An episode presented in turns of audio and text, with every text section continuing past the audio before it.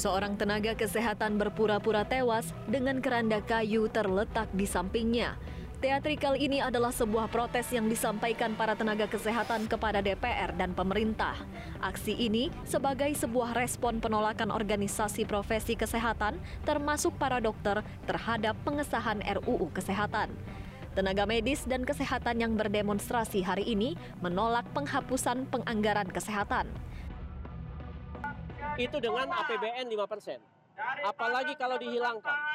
Apakah nanti pelayanan-pelayanan yang ada di perifer, di desa-desa, dan lain sebagainya, dilakukan oleh negara atau diserahkan pihak swasta? Kami tidak tahu. Oleh karena itu, kami menyatakan bahwa kalau mandatory spending itu dihilangkan, maka kemungkinan besar adalah perhatian terhadap perawat-perawat yang berada di perifer tersebut pasti akan berkurang. Sekarang saja sudah kurang, apalagi dihilangkan. Gitu. Yang kedua adalah uh, eh, RUU ini me memberikan kesan bahwa pro investasi asing. Dalam Undang-Undang Kesehatan Omnibus Law yang baru disahkan DPR ini, ada sejumlah poin penting undang-undang baru. Tiga di antaranya adalah Penganggaran kesehatan berbasis kinerja mengacu pada program kesehatan nasional. Tenaga medis dan kesehatan memerlukan perlindungan hukum dalam menjalankan tugas, tapi yang melakukan tindak pidana harus diperiksa di majelis terlebih dahulu. Penerbitan surat tanda registrasi seumur hidup untuk perawat, dokter, dan tenaga medis lainnya. Pembiayaan yang tidak efisien menjadi transparan dan efektif. Pemerintah sepakat dengan DPR RI untuk menerapkan penganggaran berbasis kinerja dengan mengacu pada program kesehatan nasional yang dituangkan dalam rencana induk bidang kesehatan menjadi pedoman yang jelas bagi pemerintah dan pemerintah daerah. RUU Kesehatan Omnibus Law adalah inisiasi DPR. Karena itu, mayoritas fraksi DPR setuju dengan RUU Kesehatan Omnibus Law ini. Hanya ada dua fraksi, yaitu Demokrat dan PKS, memberi catatan tentang penganggaran kesehatan. Sebelumnya, alokasi anggaran wajib kesehatan sebesar 5% dari total APBN. Ditiadakannya pengaturan alokasi wajib anggaran mandatory spending kesehatan dalam RUU Kesehatan merupakan sebuah kemunduran bagi upaya menjaga kesehatan masyarakat Indonesia dalam Undang-Undang Kesehatan Nomor 36 Tahun 1999 dalam Undang-Undang Kesehatan Nomor 36 Tahun 2009 sebelumnya mengatur alokasi dana kesehatan pemerintah pusat dan pemerintah daerah sebesar masing-masing 5 persen. Sementara itu, di luar gedung DPR, spanduk bertuliskan stop pembahasan RUU Kesehatan, tolak liberalisasi dan kapitalisasi kesehatan, dibentangkan organisasi tenaga kesehatan.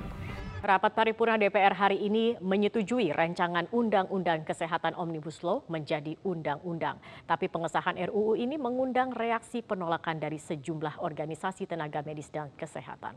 Bahkan Ikatan Dokter Indonesia sudah bersiap membuat uji materi ke Mahkamah Konstitusi.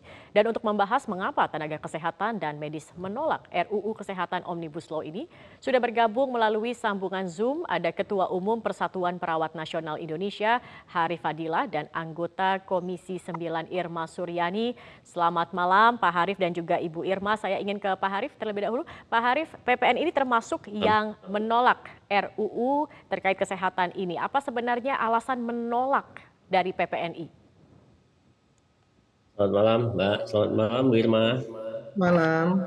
Ya, uh, selain apa yang disampaikan oleh teman-teman Eh, dari IDI, Ikatan Bidan Indonesia, Ikatan Apoteker Indonesia, dan Perhimpunan Dokter Gigi Indonesia.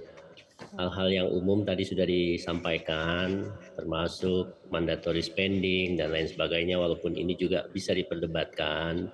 Tapi dalam perspektif kita, bahwa dengan adanya mandatory spending saja sudah banyak hal-hal yang uh, masih banyak hal-hal yang memang belum uh, baik uh, untuk pelayanan kesehatan terutama di daerah-daerah terpencil. Ya, undang-undang kesehatan yang lalu itu uh, mandatory spendingnya itu di luar gaji. Nah, kalau nanti dihilangkan, apakah uh, pemerintah daerah itu mempunyai kepatuhan? Sedangkan undang-undang uh, dengan undang-undang saja itu penelitian dari CISDI itu masih banyak sekitar 38 persen yang tidak mematuhi uh, oleh pemerintah daerah sehingga menyebabkan berbagai uh, lemahnya uh, pelayanan kesehatan di tingkat daerah.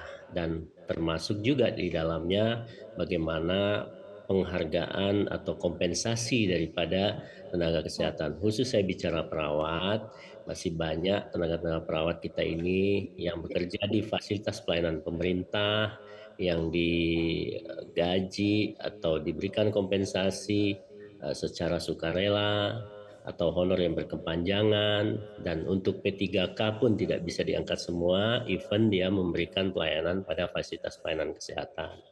Barangkali itu perspektif kita. Jadi uh, pasal yang paling berdampak bagi uh, perawat ini adalah terkait dengan mandatory spending ini, Pak Harif? Uh, enggak, yang kedua, sebenarnya yang sangat-sangat kami perjuangkan dari awal secara konsisten adalah adanya pencabutan daripada Undang-Undang Nomor 38 2014 tentang keperawatan.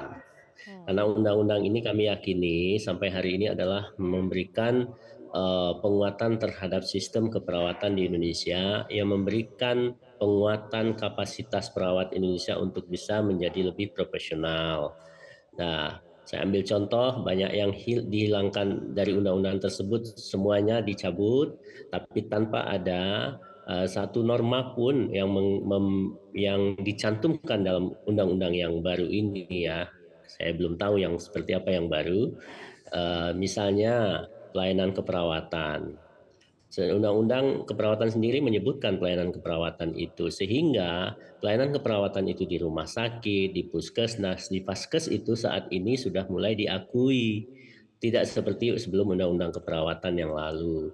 Kemudian juga okay. kewenangan perawat. Praktik perawat ada di mana saja, termasuk Baik. perawat dapat melakukan praktik mandiri, home care dan lain sebagainya. Itu semua dicabut ya. Baik. Tapi tidak dijelaskan dalam atau tidak dimasukkan dalam RUU atau undang-undang yang sudah disahkan siang tadi. Nah, sebenarnya Baik. itu sehingga itu yang menjadi keberatan kami, begitu Pak Harif ya. Iya, ini memberikan degradasi terhadap uh, okay. pengembangan profesi perawat Indonesia yang uh, untuk diharapkan lebih profesional. Oke. Saya kira itu, Kita akan Mbak. tanyakan langsung ke Ibu Irma. Ibu Irma, banyak organisasi profesi yang mengatakan dalam penyusunan rancangan undang-undang kesehatan ini tidak dilibatkan, begitu Ibu Irma. Dan kemudian dari apa yang menjadi tuntutan ini, apa saja yang kemudian diakomodir dalam undang-undang kesehatan? Ya, baik. Uh, saya ingin sampaikan bahwa undang-undang ini terus terang ingin saya sampaikan adalah undang-undang yang sangat bermaslahat bagi tenaga kesehatan, bagi masyarakat juga. Nah, ini kan teman-teman banyak yang belum tahu isi undang-undangnya, tapi sudah seuzon dulu kalau menurut saya ya. Nah, yang pertama teman-teman perawat, teman-teman perawat juga harus saya ingin sampaikan satu hal. Sebelum undang-undang ini diundangkan, pernah nggak sih teman-teman perawat berpikir bahwa kami anggota DPR ini selalu dikejar-kejar oleh perawat-perawat di daerah yang namanya perawat-perawat yang dengan sistem Honda dan lain sebagainya, yang gajinya cuma 500 ribu, 250 ribu, 300 ribu. Nah, terus OP perawat sudah melakukan apa untuk membela mereka? Kan juga nggak pernah dilakukan sampai hari ini. Nah, di undang-undang ini, di undang-undang ini sebentar Pak, sebentar ya. Di undang-undang ini justru hal-hal tersebut diatur turunannya nanti melalui peraturan menteri atau peraturan pemerintah. Contohnya seperti Itu apa, Bu Irma? Mungkin bisa disampaikan. Peraturan menterinya jelas jelas uh, yang namanya insentif, yang namanya apa namanya? Kayak tadi uh, seperti yang disampaikan tadi mandat soal mandatory spending. Nasdem bahkan minta 10% mandatory spendingnya, makanya Nasdem menerima dengan catatan seperti itu. Nah, perlu digarisbawahi juga bahwa selama ini meskipun ada mandatory spending 5%, tapi bisa kita lihat apakah transfer daerah uh, terkait anggaran kesehatan yang sudah disampaikan oleh pusat ke daerah itu sudah dipergunakan sebagaimana mestinya? Juga tidak. Karena kami juga nggak melihat dengan jelas apa yang dilakukan pemerintah daerah dengan uang yang sudah ditransfer dari pusat ke daerah tersebut. Distribusinya yang sampai hari ini juga masih belum jelas, tidak transparan. Nah, di undang-undang ini diatur ya kebutuhan daerah misalnya terkait dengan perawat, terkait dengan apa dengan dengan uh, uh, pekerja kesehatan ya, terkait dengan alkes, terkait dengan pembangunan pembangunan fisik dan lain sebagainya diajukan Baik. oleh pemerintah daerah. Nah, kemudian ke Bappenas masuk ke dalam ke dalam apa anggaran uh, pusat baru kemudian diturunkan ke daerah. Jadi Baik. disesuaikan dengan kebutuhan daerah. Nah, kalau okay. selama ini kan tidak seperti itu. Maka Jadi selama ini dianggap mandatory spending ini kurang memahami, transparan begitu ya Ibu Irma ya? Memahami. Ya, Gimana? Jadi selama ini dianggap bahwa mandatory spending ini tidak transparan dan tidak efisien, tidak tepat sasaran begitu. Memang tidak transparan, memang Baik. tidak transparan.